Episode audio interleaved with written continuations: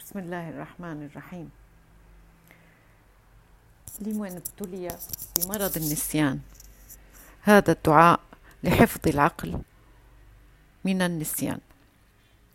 يا الله يا مهيمن يا مؤمن يا عليم يا حكيم صل وسلم على سيدنا محمد كامل العقل والفهم وعلى آله وصحبه. صلاة تحفظ علي عقلي وذاكرتي. وتزيدني علما وفهما وحكمة. يقال أن هذا الدعاء جيد حتى لمن أصيب بمرض الزهايمر الذي فيه يكثر النسيان وفيه اسم الله المهيمن.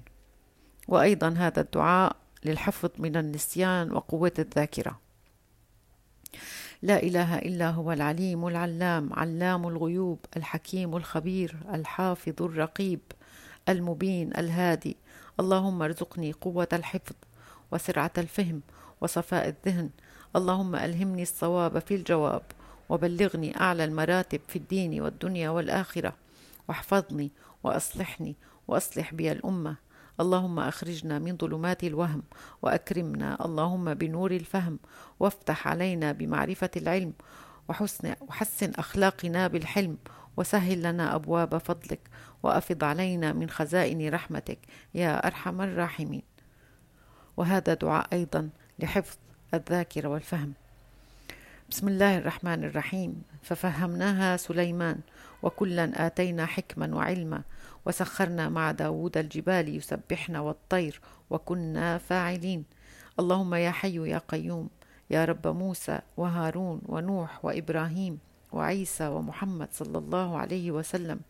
أكرمني بجودة الحفظ وسرعة الفهم وارزقني الحكمة ومعرفة العلم وثبات العقل والذهن, والذهن والحلم بحق سيدنا محمد صلى الله عليه وسلم. يا رب العالمين.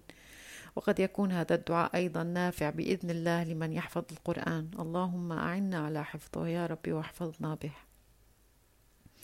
وهذه صلاة الفهم. اللهم صل وسلم على سيدنا محمد صلاة تخرجنا بها من ظلمات الوهم وتكرمنا وتكرمنا بنور الفهم وتوضح لنا ما أشكل حتى يفهم.